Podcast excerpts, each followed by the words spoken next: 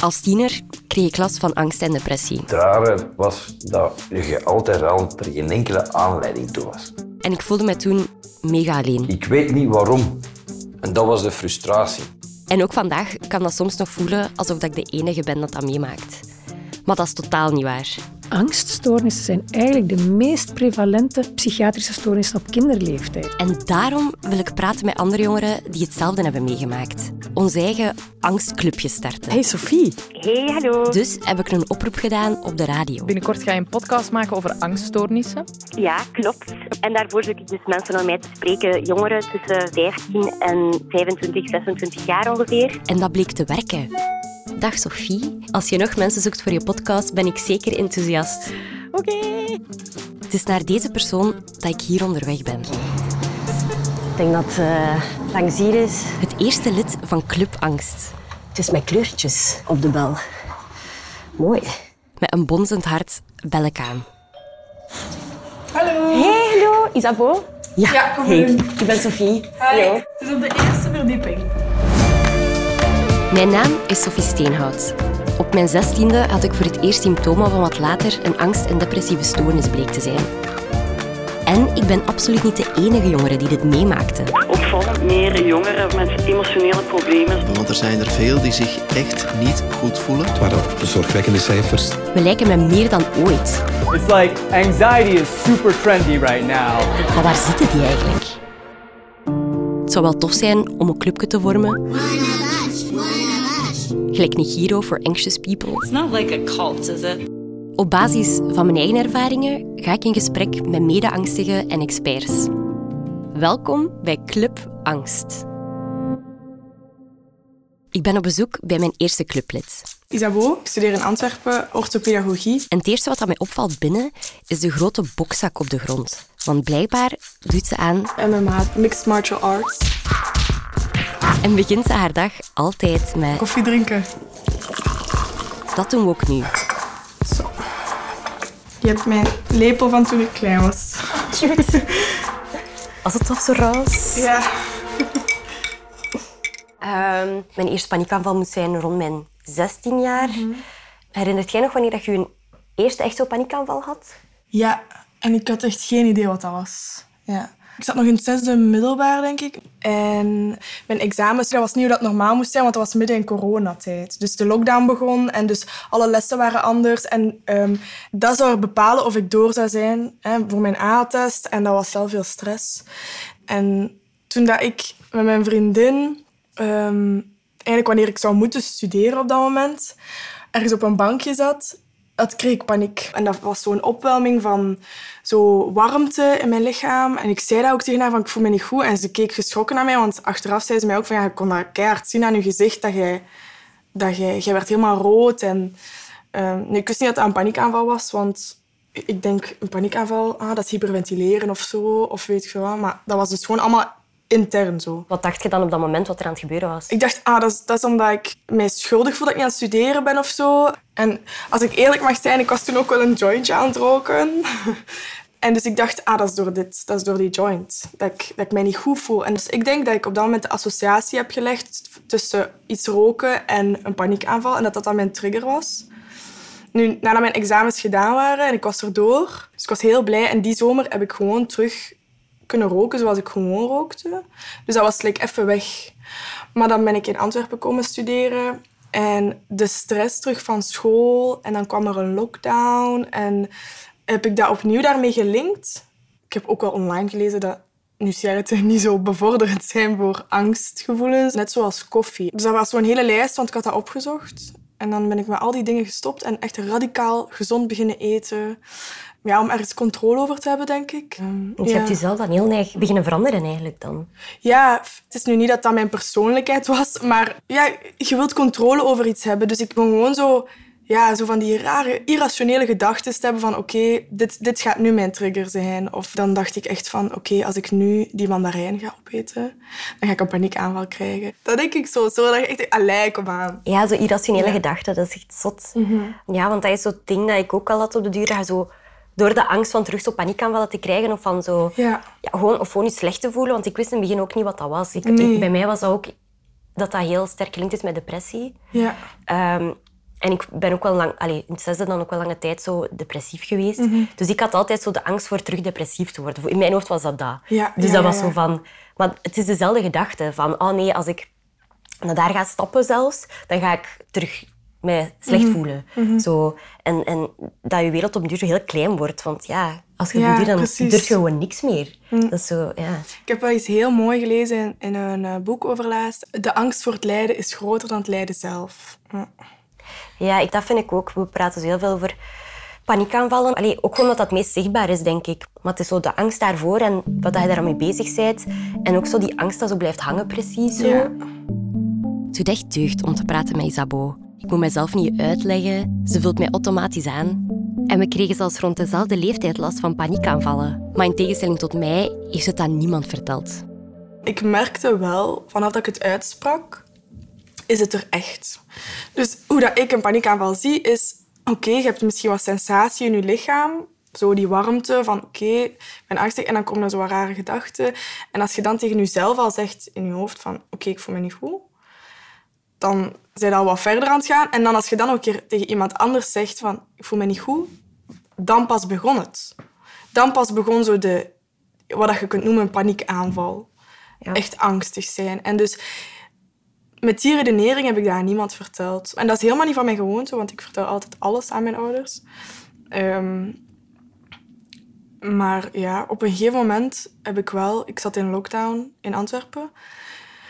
Ehm, op een veel kleiner kot. Dat was 15 vierkante meter of zo. Ik kende hier niemand. Ja, dus dat was heel eenzaam en dus heel tijd alleen met je gedachten zijn. En dus dat afleiding is een heel goede zaak en dat was er niet. Een kleine trigger die haar gedachten in gang stak was genoeg. Ze kreeg een paniekaanval. En dan ben ik wel naar huis gegaan en ik ben, ik ben helemaal doorgedraaid. En ik heb gezegd, mama, ik denk dat ik gek ben. Ik heb ook naar mijn papa gebeld, papa, ik ben gek aan het worden. En tegen jezelf zeggen, ik ben gek aan het worden, super eng. Alleen zijn met je gedachten, dat kan zalig zijn. Maar voor de leden van Club Angst zijn onze gedachten niet altijd even betrouwbaar. Is it me? Am I the drama? Ik kan in mijn bubbel niet meer helder nadenken, met alle gevolgen van die. It's a mental breakdown. Maar tijdens de eerste en tweede coronagolven moesten we letterlijk in onze eigen bubbel blijven. With only my thoughts. En net zoals Isabeau waren er heel veel jongeren die het moeilijk hadden. Na een half jaar coronacrisis opvallend meer jongeren met emotionele problemen. Waarom leek die lockdown extra hard in te slaan bij jonge mensen? Om daar een antwoord op te vinden, ga ik langs bij deze persoon. Ik ben Ines Germijs, professor in de contextuele psychiatrie. En toevallig, net als Hilde, heeft ook deze professor een voorliefde voor zingen. Mijn eh, lab weet dat ook. Als wij een lab-uitje hebben, moet er karaoke bij zijn. Ze is vaak onderweg met de fiets en ze kan het dus niet af. Als ik met mijn fiets rijd en andere mensen zijn agressief of geven nu geen voorrang. Ines is professor in de contextuele psychiatrie. Ze kijkt dus naar de invloed van de context op onze geestelijke gezondheid. En die context was de laatste jaren nogal een uitdaging. Mondmaskers, de zoveelste wandeling, slechte powerpoints Dear Lord. en lockdowns. Wat corona gedaan heeft, corona heeft daar zelf niet zoveel mee te maken, maar waar vooral de maatregelen die genomen zijn om corona in te dijken, die hebben eigenlijk een invloed gehad eh, of een stop gezet op alles wat jonge mensen nodig hebben om goed te ontwikkelen, namelijk sociaal contact. Om ons verder te ontplooien, onszelf te leren kennen, hebben we andere mensen nodig. Je gaat eh, nieuwe sociale contacten aan, je gaat eh, eerste liefdesrelaties ontdekken. Dus dat zijn allemaal nieuwe dingen die ontwikkelen. Je eigen identiteit. Wie ben ik? Wat wil ik in het leven? Waar ga ik naartoe? Maar dat is niet het enige. Het is ook een periode waarin dat lichaam en het brein nog volop in ontwikkeling is. En we zeggen eigenlijk iemand is pas op zijn 25ste volgroeit. Hormonaal verandert er van alles. In het brein verandert er van alles. Het is dus belangrijk dat we door al die veranderingen gaan. Want dat zorgt ervoor dat we genoeg shit hebben meegemaakt, zodat we op ons 25 iets wat normale mensen zijn. Just barely. Maar dat maakt ons ook heel kwetsbaar in die periode. Een periode van verandering is altijd een periode waarin dat dingen ook mis kunnen gaan. Psychische problemen ontwikkelen typisch in de puberteit. We zien dat 74% van alle psychische klachten ontstaan voor het 24e levensjaar. What? Hold up. Niet alleen zijn er dus veel jongeren met angsten, het is ook eigenlijk niet zo raar dat dat bij mij in Isabeau tot uiting kwam op zo'n jonge leeftijd en niet op ons veertigst of zo. Maar hoe komt dat dan dat dat bij ons wel zo was en bij andere jongeren niet? Ja, dat is natuurlijk de vraag van 1 miljoen. En dat heeft enerzijds te maken met biologische, genetische kwetsbaarheid. Bij sommige mensen maakt die biologische kwetsbaarheid dat ze een iets ja, groter risico hebben om psychische klachten te ontwikkelen. Daarnaast zit er ook wat dan men noemt de psychologische factoren in. En dat heeft te maken met welke copingmechanismen heb je bijvoorbeeld. Hè? Hoe ga je om met stress? En dan daarnaast natuurlijk ook de dingen in de omgeving. En dat heeft te maken met, zijn er mensen rond je die, die je begrijpen, die je steunen? Kan je bij mensen terecht? Dus eigenlijk die drie factoren samen maken dat iemand meer of minder een risico heeft om psychische klachten te ontwikkelen. De combo van biologische, psychologische en sociale factoren, dat heeft dus een invloed op ons. En die laatste factor, onze sociale omgeving, dat was compleet verstoord tijdens de lockdown. Ik meen het, blijf in uw kot. Dat hakte er serieus in. Ik was ook niet op mijn best. The understatement of the year. Maar dat is een verhaal voor later. Want dat de mensen in onze omgeving zo belangrijk zijn, dat is ook bevestigd in onderzoek. Ines is momenteel bezig aan een langdurige studie bij jongeren. De conclusie van ons uit dit onderzoek was: ja, sociaal welzijn en mentaal welzijn lijken twee kanten van eenzelfde muntstuk te zijn. Wat we in het dagelijks leven zagen, was dat mensen met meer psychische klachten duidelijk meer tijd alleen doorbrengen. Nu, alleen zijn is heel normaal in de adolescentie, is ook nodig.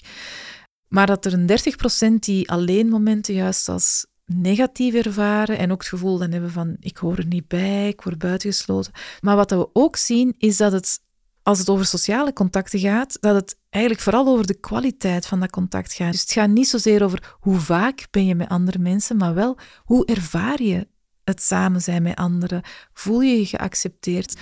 En dat is wel een belangrijke bevinding die daaruit gekomen is. Na het gesprek met Ines denk ik na hoe dat, dat was voor mij op mijn 16 jaar. Want hoewel dat we toen niet in een pandemie zaten, zat ik wel in een soort zelfisolatie. Ik bleef thuis van school en naast enkele wandelingsjes met mijn mama en mijn sessies bij de psychotherapeut kwam ik niet buiten. Gelukkig woonde ik niet alleen, maar ja, mijn ouders werkten wel overdag en mijn zus zat daar eerste jaar op kot. Ik voelde mij vooral vervreemd van mijn vriendinnen, tegen wie ik ook niet zoveel durfde te vertellen. En toen ik na de psychotherapeut ook bij de psychiater moest gaan en medicatie moest opstarten, dacht ik dat ik hem voor altijd had verloren. Ik zit op de zetel onder een dekentje. Ik heb mijn gsm in mijn handen en ik probeer een bericht te typen naar een vriendin. Het voelt zinloos en ik verwijder het opnieuw. Hoe gaan ze ooit begrijpen wat ik meemaak als ik het zelf niet eens begrijp? Wat gaan ze denken als ik zeg dat ik nu medicatie moet nemen? Gaan ze het aan andere mensen vertellen? Ik kijk op en ik hoor mijn mama de deur open doen. Er komt iemand naar binnen. Nee, het is niet één iemand, het zijn meerdere voetstappen. De deur van de living gaat open en plots staan mijn vriendinnen daar. Allemaal. Ik heb geen idee wat ik moet zeggen. Ik weet dat ze het niet allemaal begrepen, maar ze zijn hier nu wel. En ze blijven. Dat was voor mij keerpunt. En na een tijdje begon mijn antidepressiva ook te werken. En ik bleef ook werken met mijn psycholoog. En stapje per stapje voelde ik mij weer mezelf worden. Of toch, ja, een nieuwe versie ervan. Isabeau ging ook aan de slag, na haar paniekaanvallen op kot. Want ik durfde dan niet terug naar Antwerpen gaan, want dat was in Antwerpen gebeurd. En dan besloot je dan, oké, ik ga toch naar Antwerpen, maar dan heb ik iemand meegepakt. En dan zo alles wat ik niet durfde, toch doen. Heel eng, maar toch gedaan. En uiteindelijk, stap voor stap, werden dat grotere stappen en grotere uitdagingen. Ja, hoe heb je dat dan gedaan? Of, zo? of waar heb je dan die moed gevonden om dat te doen? Want dat is wel super eng. Ja, ja. ik heb eigenlijk een video opgezocht op YouTube van How to Deal with Panic Attacks. En dat was zo'n dude die dat zo uitlegde van wat het was en hoe het kwam. En die sprak mij over dat je echt niet een vermijdend gedrag mocht gaan vallen. Met het voorbeeld van de mandarijn. Oh, ik ga die mandarijn opeten, ik ga een paniekaanval krijgen. Vermijdend gedrag zou zijn, oké, ik vermijd die mandarijn. Maar wat jij wel moet doen, is die opeten en zeggen van oké, kijk, ik heb er niks van gehad. Dat is gewoon geen probleem. Ehm, dus ja, door die video. En dan ehm, ben ik daar gewoon stap voor stap aan begonnen. Ja, gewoon kleine stapjes. Heb je dan ooit professionele hulp gezocht? Nee, ehm, pas op het laatste. En dat was eigenlijk heel toevallig. En ik ben heel blij met de school waar ik op zit. Ik had eigenlijk gewoon contact opgenomen met iemand om mij te helpen met mijn planning te maken, omdat dat niet goed lukte. En ik had denk ik maar één keer vermeld van ik voel mij het niet zo goed. Maar echt één zinnetje. Verder had ik daar niet over gesproken. En uh, zij heeft mij dan drie personen doorgestuurd. Eén persoon die ging kijken voor mijn deeltraject. één persoon die ging kijken voor mijn planning. En één persoon die mij ging helpen omdat ik me niet goed voelde. En die personen, ik heb niks moeten doen, die hebben contact opgenomen met mij. Ja, dus ik was echt zo... Zalig. Ja, wow, want ik zou het nooit uit mezelf hebben gedaan. En dan heb ik een videogesprek gehad met de psycholoog van school. En zij zei tegen mij... Ja, Isabel, wat jij mij allemaal zegt en wat jij allemaal doet, is wat ik studenten aanraad om te doen. Dus je bent keigoed bezig. En dat liet me echt heel goed voelen. En ik had toen eigenlijk de zorg... Ik belde vooral met haar omdat ik op vakantie ging met twee vriendinnen die ik uh, ook nog maar een jaar kende van in Antwerpen. Um, en dat was een uur en een half vliegen naar Marseille. En ik dacht, oh nee, ik ben weg van thuis. Ik kan niet zomaar terugkeren. En zij zei dan tegen mij, ja, maar weet je, het is niet aan de andere kant van de wereld. Je kunt direct terugkomen. Er zijn elke dag zoveel vluchten en zo. Dat was een beetje die houvast van, oké, maar het is dat, het is dat, het is dat. Ik denk dat het belangrijk is, omdat als je angst hebt over iets, om het zo wat te um, ontrafelen van, oké, maar is deze eigenlijk wel rationeel? Mm -hmm. En dan besefte ik zo, oké, ja, het is soms wel goed om het te vertellen aan iemand. Ik vind dat wel mooi, mooi woord dat je zegt, ontrafelen. Want dat je zegt exact hoe dat het voelt als ik daar met andere mensen over spreek. Van het minder eng maken doordat je het zelf benoemt. Ja, dat is inderdaad echt ontrafelen. Ja. En het grappige is dat mijn vriend toen heeft gevraagd, toen ik op reis was, wilt je niet mee naar de Dominicaanse Republiek? En ik zo, wat? Oké. Uh, dat is wel aan de andere kant van de wereld. En acht uur tijdsverschil en maar twee vluchten per week. Maar oké, okay, en ik heb het gedaan en dat was voor mij echt wel een heel grote stap. En sindsdien gaat het ook echt wel... Kan ik zeggen, oké, okay, ik, ik voel mij goed. Je hebt terug serieuze stappen gezet, hè? Dat je zo gewoon... En dan geen paniekaanval daar hebben en zo stapje ja, per stapje. Precies. En ja, dat is zot hoe, hoe geleidelijk aan dat dat gaat. En dat je dan zo terugkijkt van wow. Ja, die mandarijn was eerst. Ja. en nu zit ik hier, in, aan de andere kant van de wereld. Ja. Maar het heeft ook het heeft heel veel te maken met mijn vriend zelf. Um, die zo goed voor mij zorgt en zo. En... Veilig voelt. Ja, blijft. precies. Um, hij is echt wel mijn houvast, een beetje. Wat zouden we zijn zonder de mensen rond ons? Onze ontrafelaars.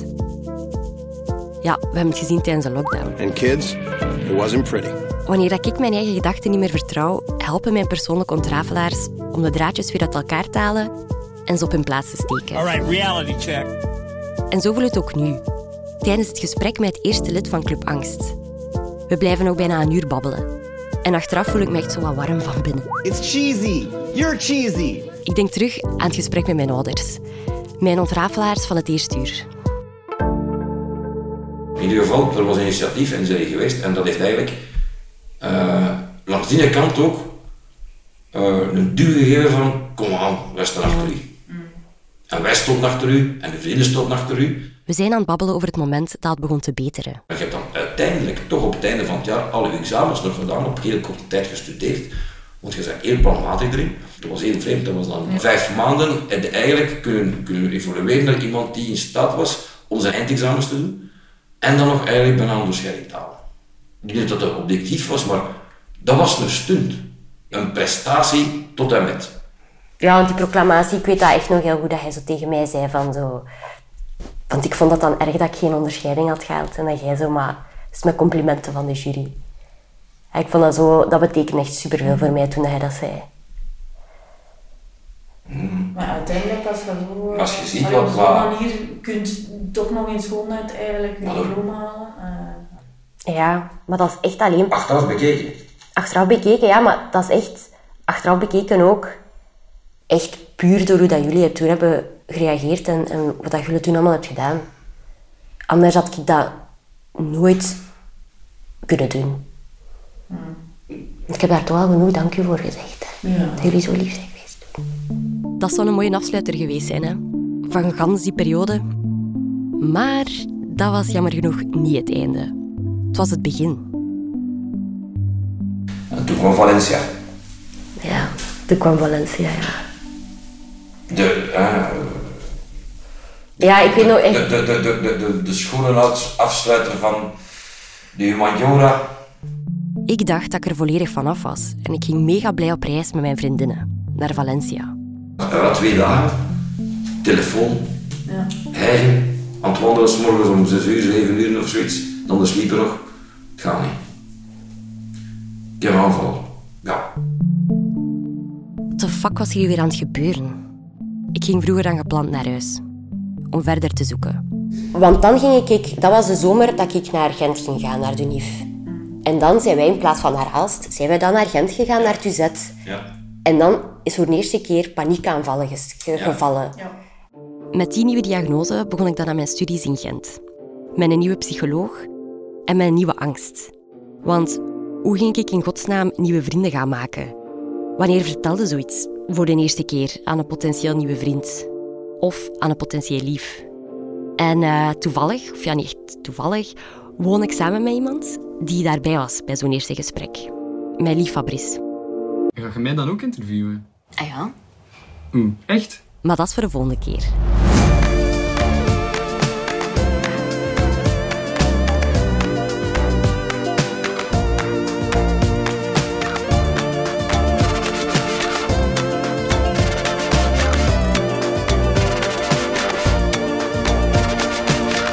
Je nood hebt aan een gesprek, kan je altijd bellen en chatten met Teleonthaal. Of als je jonger bent dan 25 met AWEL, de gratis hulplijn voor kinderen en jongeren. Je kan ook anoniem terecht bij het CLB op school of bij een jeugdadviescentrum in jouw buurt. Meer informatie en hulplijnen vind je op watwat.be slash.